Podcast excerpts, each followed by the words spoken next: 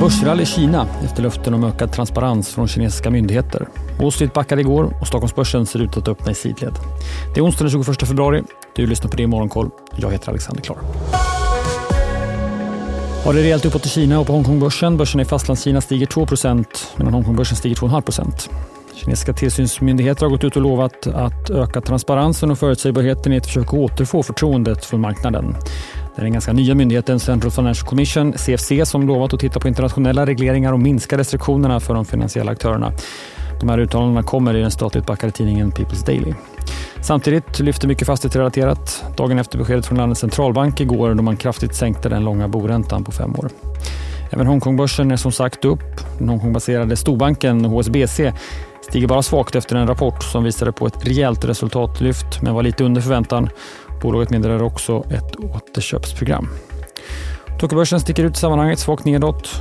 Wall Street var också nedåt igår. Nasdaq backade nästan 1% S&P 500 inte fullt lika mycket. Nvidia, som fortsatte att rusa i år, tog en paus och föll hela 4% Bolaget rapporterar efter stängning idag. Även Amazon, en stor spelare i index, föll efter att grundaren Jeff Bezos sålt aktier, något han deklarerat tidigare. Bättre för konsumentnära aktier igår. Walmart som rapporterade innan Wall Street öppnade igår stängde upp 3% efter att både försäljningen och resultatet var starkare än väntat. Tufft i efterhanden för eh, Paolo Alto som föll hela 20% efter att cybersäkerhetsbolaget sänkt guidningen för helåret men också guidat mjukare för det första kvartalet.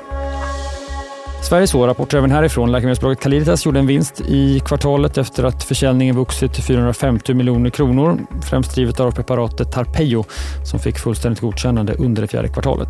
Bolaget guidar för att försäljningen under 2024 landar mellan 150 och 180 miljoner dollar. Som jämförelse kan vi säga att under 2023 landade den totala försäljningen på drygt 1,2 miljarder kronor.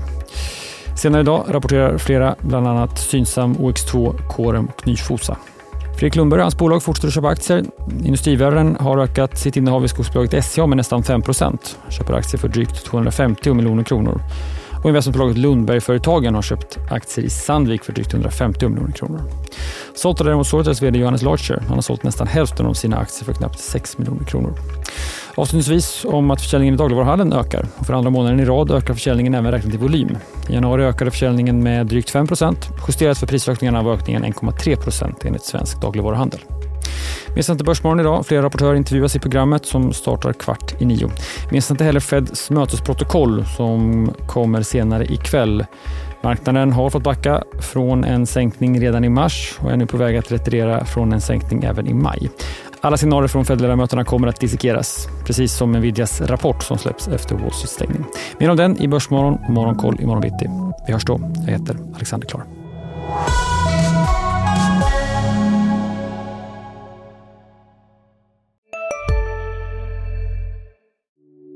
Hej, Ulf Kristersson här. På många sätt är det en mörk tid vi lever i. Men nu tar vi ett stort steg för att göra Sverige till en tryggare och säkrare plats.